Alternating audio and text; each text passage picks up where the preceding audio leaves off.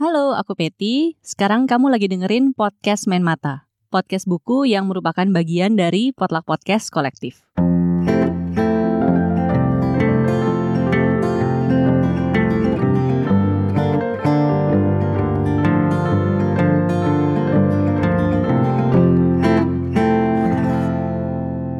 Follow di Instagram at Potluck Podcast biar kamu gak ketinggalan kalau misalnya kami bikin program terbaru.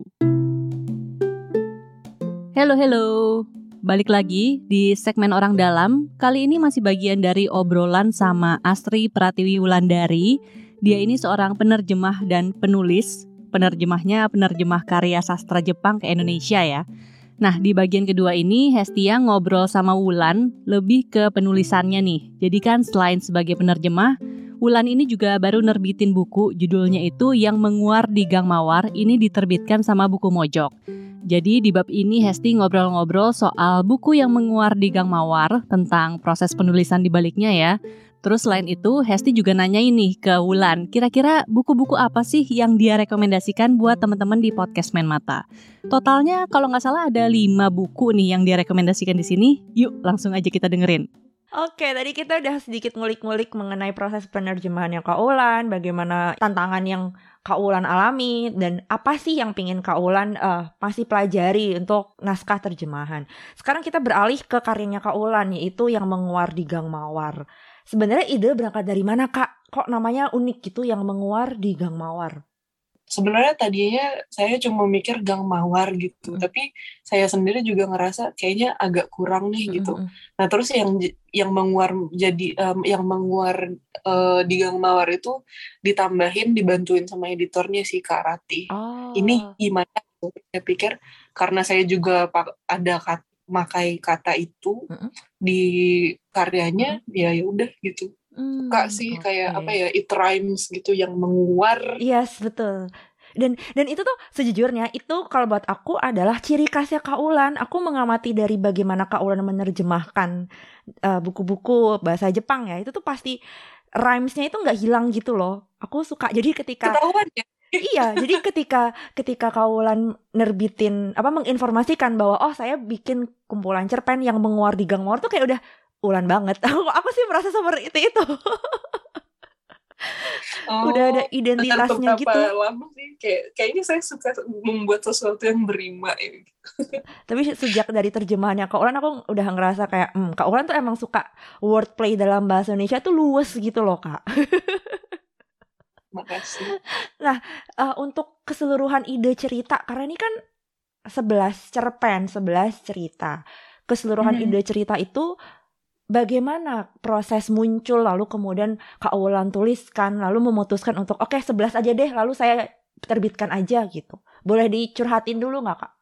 Um, jadi sebenarnya ide-idenya itu udah lama ada di kepala saya atau mm -hmm. di draft komputer saya. Mm -hmm. Tapi dari dulu sampai sekarang itu saya selalu kesusahan untuk nyelesain cerita. Entah oh. kenapa kayak ada satu berapa bulan gitu tahu-tahu kayak kesetanan gitu loh. Tiba-tiba okay. kayak bisa nyelesain beberapa cerita gitu. Uh, uh, uh. jadi kayak bisa nyelesain satu cerita terus kaget ih kayak pertama kali nyelesain suatu cerita gitu. Terus tahu-tahu kayak cerita-cerita yang lain juga bisa diselesaikan gitu. Terus um, di tengah-tengah nulis saya mikir ini tulisan mau diapain ya? gitu. Terus iseng-iseng ngecek penerbit-penerbit gitu. Mm-hmm. Ketemu penerbit mojok, mm-hmm. terus saya lihat uh, minimal naskahnya ini berapa kata gitu. Mm-hmm. Terus saya mikir, kayaknya bisa nih gitu. Ya udah tulis uh, apa namanya langsung ngebuka folder gitu. Uh-uh. Saya tulisan ada apa aja ya gitu. Terus kayak langsung kepikiran waktu itu waktu itu sempat kepikiran mau bikin cerpen yang uh-huh. satu itu kumpulan cerpen tapi satu semesta gitu. Nah langsung aja gitu saya saya kerjain proyeknya gitu. Wow. yang udah ketunda entah berapa berapa tahun lamanya gitu. Terus ya oh. ya udah jadi. Terus uh, waktu itu langsung kirim ke penerbit Mojok. Terus saya uh, mikirnya gini kayak ya nggak apa-apa apa namanya kirim aja gitu. Kalau ditolak nanti tinggal edit lagi. Terus apa namanya kirim lagi penerbit lain. Terus kalau ditolak lagi edit lagi terus kirim lagi ke penerbit lain. Ya tapi nggak tahu diterima kan. Itu kaget banget. Terus um, ya udah kayak gitu. Tapi ada satu cerita yang dia nyusul itu yang siang bolong yang beku. Itu dia nyusulnya itu pas udah di di tahap udah mau layouting kayaknya. Itu sih yang kayak tiba-tiba muncul lagi. Itu ide yang lumayan baru mm-hmm. kalau misalnya yang lain itu cerita-cerita yang lain tokoh-tokoh yang lain tuh kayak udah tinggal di kepala saya cukup lama gitu oke okay. Wah, bisa seperti itu ya dan alhamdulillahnya langsung gayung bersambut. Begitu ngirim diterima gitu ya Kak ya sama uh, penerbit Mojok gitu kan. Iya, itu kaget banget sih. Mungkin ada ada pengaruh dari penerjemahannya Kak Wulan gak sih kayak hmm, jangan-jangan teman-teman di Mojok mungkin sudah familiar gitu sama namanya Kak Wulan. Um, waktu itu Kak Rati bilang emang pernah baca terjemahan saya. Uh -uh. Terus tapi saya nggak tahu sih kayak alasan mojok nerima tulisan saya. Gitu nggak pernah nanya. Malu juga. Kayak berang insecure banget sih. gitu takut dibilang begitu eh pernah malah insecure saking insecure saya nanya sama karate. Karate menurut karate kayak orang-orang bakal suka sih sama, sama tulisan saya? Nanya sama, aneh banget gak sih nanya sama editornya kayak gitu gitu. Tapi kalau misalkan aku cek-cek di Goodreads ya, totalnya ada ratingnya 4,07 dari 30 rating yang masuk. Berarti kan memang sebagian besar suka sama tulisannya Kak Wulan. Kata Farah, jangan buka Goodreads kalau udah nulisin sesuatu. Takutnya nanti kalau ada apa-apa nggak takutnya ada yang jelek-jelek terus nanti dimasukin ke hati. Jadi oh. saya berusaha untuk ngeliat. Iya. Wah syukurlah. Ya. Oke, okay. yang aku yang aku rasain ya kak setelah aku baca yang menguar di Gang Mawar, tetap ya kak menurut aku nuansa kelamnya itu masih kebawa gitu loh. Aku merasa bahwa yang menguar di Gang Mawar seperti sebuah perayaan Halloween di siang bolong. Karena kayak ngeri-ngeri gimana gitu rasanya. Apakah iya. sengaja, abang sengaja bikin bikin aura kepada pembaca seperti itu atau oh nggak sengaja aja karena itu udah dari tadi kan diceritain kumpulan cerita dari beberapa tahun yang lalu dikumpulkan kemudian ya udah diterbitkan gitu kak? Enggak, enggak disengaja kayak yang ada di kepala kayak gitu. Oke. Okay. Tapi sebenarnya ada uh, apa pesan-pesan yang pingin disampaikan nggak atau mungkin campaign tertentu oh, yang pingin banget. disampaikan. Nah, boleh di spill sedikit nggak usah nggak usah terlalu banyak karena aku nggak mau teman-teman nanti jadi nggak mau baca gitu. Lebih baik kawulan bikin orang jadi penasaran aja. Apa sih pesan-pesan sedikit pesan-pesan yang pingin disampaikan lewat kumpulan cerpen itu, Kak? Hmm, mungkin gini kali ya. Hmm? Uh, saya terinspirasi dari Audre Lorde oh, bahwa okay. kemarahan itu tuh perempuan itu bisa menggunakan kemarahan gitu kayak kemarahan perempuan itu bukan sesuatu yang buruk tapi itu bisa jadi suatu kita, kita tuh marah ada alasannya gitu loh kayak kita marah karena ada misalnya kayak ada ketidaksetaraan gitu kita marah ketika kita bakal teriak kan kalau misalnya ada orang nginjek kita atau nonjok kita gitu. Kita nggak nggak teriak nggak marah tanpa sebab gitu. Nah di situ kayak saya sadar bahwa kemarahan itu tuh wajar. Itu tuh suatu reaksi yang apa ya reaksi yang sehat gitu loh. Ada sesuatu yang buruk kita marah itu tuh reaksi yang sehat. Dan itu bisa kita kayak apa ya kita gunakan untuk menjadi jadi sesuatu yang produktif gitu. Nah itu yang saya ah. coba lakukan dari cerpen saya salah uh, beberapa cerpen saya gitu kayak misalnya yang um, saya nyoba ngomongin tentang bagaimana uh, lingkungan uh, sastra lingkungan mm-hmm. kepenulisan mm-hmm. di Indonesia yang yeah. kayak saya ngerasa sebagai perempuan tuh mm-hmm. apa ya kok kayaknya susah gitu mm-hmm. uh, saya misalnya saya pengen jadi penulis gitu mm-hmm. terus saya ngelihat apa namanya uh, penghargaan sastra itu nominasinya didominasi sama laki-laki. Kan kesannya saya kayak uh, mau jadi penulis tuh oh uh, ternyata perempuan susah ya gitu mau jadi penulis. Kayak gitu sih kayak apa ya ya itu yang saya dibanding pesan lebih ke gitu sih kayak apa namanya kita tuh boleh marah loh gitu. Yeah, dan yeah. marah tuh boleh loh di, dimasukin ke karya ya yeah, ya yeah. uh, uh, uh. justru harus loh kadang mungkin uh, uh, kayak orang tuh harus tahu loh kita tuh marah gitu. Iya. Uh -uh. Oke. Okay. Mungkin sampai situ dulu kak spill spillnya jangan kebanyakan ya jadi teman-teman aku setuju tadi apalagi yang tadi dikatakan oleh Kaulan mengenai ada satu cerpen yang memang meng, bukan mengkritik lagi itu kayak udah belak belakan kesel sama suatu ajang tertentu aku ketika baca itu tuh kayak ketawa gitu haha aku tahu maksudnya Kak Wulan sebagai orang yang juga di situ kan kak karena ya kita juga sama-sama berada di lingkaran literasi jadi kayak tahu gitu aku tahu nih yang dimaksud Wulan siapa Oke. Nah, tadi kita ngobrolin soal nerjemahin dan menulis. Apakah Kak Wulan merasa bahwa proses menerjemahkan yang sudah Kak Wulan lakukan, lalu kemudian proses menulis, ini saling berkaitan dan akhirnya membentuk karyanya Kak Wulan? Um, mau nggak mau, pasti ada yang terpengaruh ya. Mm-hmm. Kayak misalnya gaya uh, penggunaan apa ya istilah, gaya-gaya bahasa gitu, kayak bakal bercampur. Mungkin saya sendiri kayak nggak bakal nggak sadar, tapi ya kayak tadi yang misalnya Astia bilang saya suka main kata dan apa uh, yang kecenderungan kecenderungan kelam gitu itu buat saya sendiri kayak untuk sadarnya itu lama gitu jadi oh. ketika nulis itu saya nggak sadar uh, saya dipengaruhi oleh siapa aja gitu. Bahkan kadang um, saya ngerasa saya ini kayak mesin yang memuntahkan sesuatu yang udah saya konsumsi gitu. Hmm. Ya gitu. Tapi susah nggak kak untuk melepaskan itu tadi pengaruh dan apa namanya? Misalkan habis habis nerjemahin Rampo misal kayak gitu, terus Kawula nulis kan kayaknya masih pengaruh kena pengaruh dari Rampo kan karena habis nerjemahin gitu. Mendetach hmm. itu tuh susah nggak buat Kak Ulan? sebenarnya lebih ke gini sih kayak apakah pengaruh kayak kita terpengaruh sama sesuatu tapi kita kan juga punya kontrol ya kita tahu diri kita itu uh, yang mana terus batasan kita tuh seperti apa terus kayak apa ya um, kita nggak bakal yang berubah banget gitu ketika baca sesuatu gitu kan.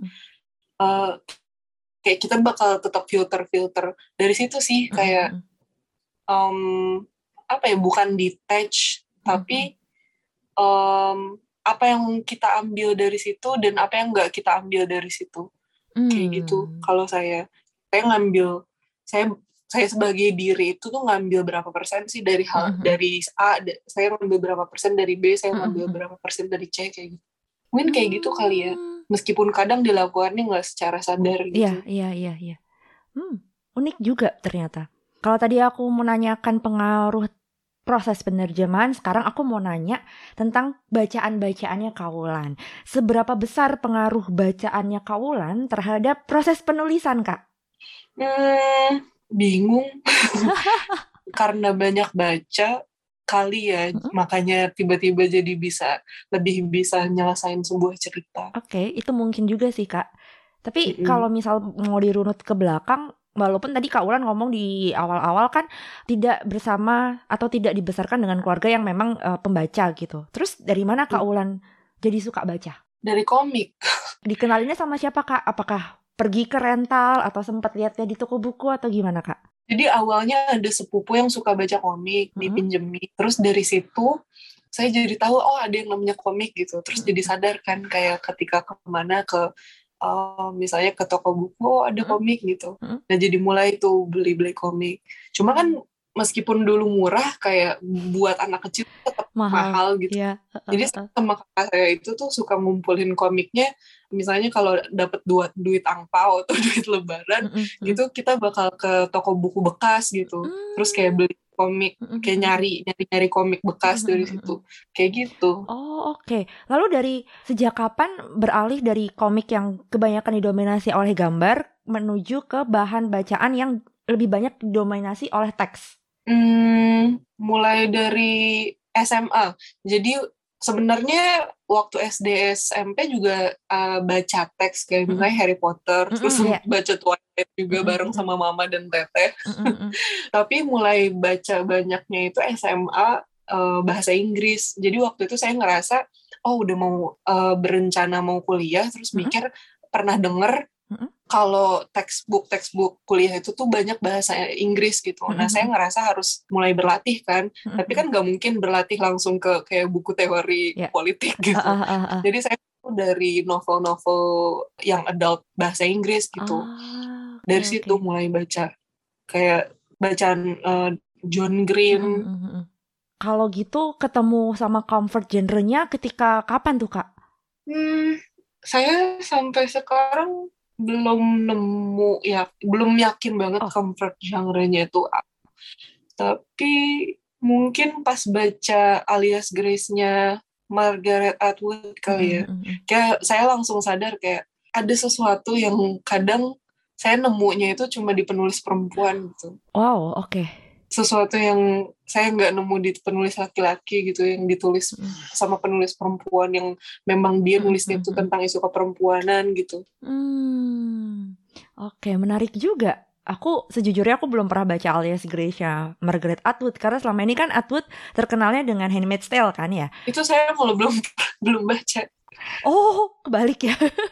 Tapi alias Grace nggak tahu kenapa cinta banget kayak susah banget buat nyebut sebuah buku favorit gitu sampai sekarang yang bisa disebutin buku favorit cuma Alias Grace kayaknya deh. Iya iya iya berarti sampai sekarang memang belum belum yakin untuk menentukan comfort genre-nya apa ya kak ya? Iya masih berubah. Ternyata oh. 25-an pun masih terus berubah. nggak apa-apa pembaca itu kan uh, eh sorry bacaan itu tumbuh bersama dengan pembacanya jadi sangat wajar sih kak kalau kita nggak merasa yakin dengan satu genre tertentu tapi selama kita senang ya untuk baca ya that's okay gitu aja sih Oke, okay, ini pertanyaan terakhir Kak. Kalau bisa ngasih lima judul bacaan, apa aja buku bacaan yang menurut Kak Ulan itu membuka perspektifnya Kak Ulan? Ke perspektif apa ya? Mm -mm. Hmm, Waduh, bingung juga. Tadi disebutkan sempat ada Atwood dengan alias Grace. Mungkin nambah empat judul lain, Kak? Oh, mungkin mm -hmm. The Love and Lies of Ruksana Ali. Mm -hmm. Itu um, tentang queer Muslim. Oh, wow. Itu menarik okay. sih menurut saya. Mm -hmm. uh, eksplorasi isunya di situ. Terus mm -hmm. apa lagi ya? Oh, uh, ibuisme negaranya Julia Surya Kusuma. Oh ya, ya uh, uh, uh, uh. Uh, perbu pe perempuan dan pemburuan penyihirnya Sylvia Federici. Mungkin saya lumayan suka Feminism Interrupted-nya Lola Olufem. Oh, oke. Okay. Ya, itu juga bagus sih. Sama satu lagi deh ya, Audre Lorde. Recent tulisannya Audre Lorde, esai-esainya. Oke, okay. tadi kurang lebih ada tadi malah ngasih enam ya, enam judul yang sekiranya menurut Kaulan memberikan perspektif baru. Oke, thank you banget Kak Wulan udah bersedia aku kepo-kepoin soal perjalanan dari menerjemahkan, menulis hingga terkait bacaannya. Semoga Kak Wulan gak kapok ya kalau misalkan nanti ngobrol-ngobrol lagi sama aku. Semoga gak bosen. Oke Kak Wulan, segini dulu untuk podcast Main Mata. Terima kasih banyak. Uh, please jaga kesehatan. Semoga nanti ketika pandemi udah bener-bener bisa dikendalikan, kita bisa ketemu offline ya Kak ya. Iya nih entah kapan. Oke, okay, kalau gitu. Bye Kaulan, terima kasih. Terima kasih. Terima kasih sudah mendengarkan. Kalau misalnya kamu suka dengan bab ini, jangan lupa share babnya ke media sosial biar teman-teman kamu yang membutuhkan juga bisa dengerin. Terus jangan lupa juga untuk support podcast Main Mata ya dengan kasih rating 5 di Spotify dan subscribe juga channel YouTube Potluck Podcast Kolektif karena kalau di situ aku suka ngerekomendasiin buku-buku yang memang gak ada di platform podcast lainnya. Dan yang terakhir, jangan lupa follow Potluck Podcast di Instagram juga at Potluck Podcast. Oh iya, kalau misalnya kamu belum dengerin nih bagian pertama obrolan Hestia dengan Wulan, kamu bisa cari ya di bab sebelum ini. Itu mereka berdua ngobrolin soal penerjemahan karya sastra Jepang. Oke, segitu dulu. Sampai jumpa lagi. Dadah.